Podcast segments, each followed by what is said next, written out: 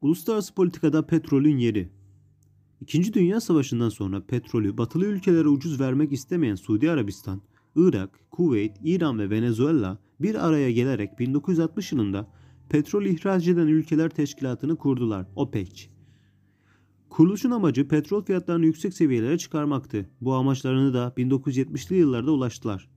Yine bu dönemlerde ortaya çıkan 67 Arap-İsrail Savaşı'ndan sonra petrolü İsrail'e karşı siyasi bir silah olarak kullanmak isteyen Arap ülkeleri bir araya gelerek petrol ihraç eden Arap ülkeleri teşkilatını kurdular. OAPEC. Ancak OAPEC başarılı olamadı. OAPEC pek başarılı olamadı. 1973 petrol krizi gibi bir daha böyle bir krizin yaşanmaması amacıyla merkezi Paris'te bulunan Uluslararası Enerji Ajansı yani IEA kuruldu. Kuruluşun temel amacı enerjinin özellikle de petrolün temini ve kullanımında uluslararası işbirliğine ve planlamaya gidilmesini sağlamaktı.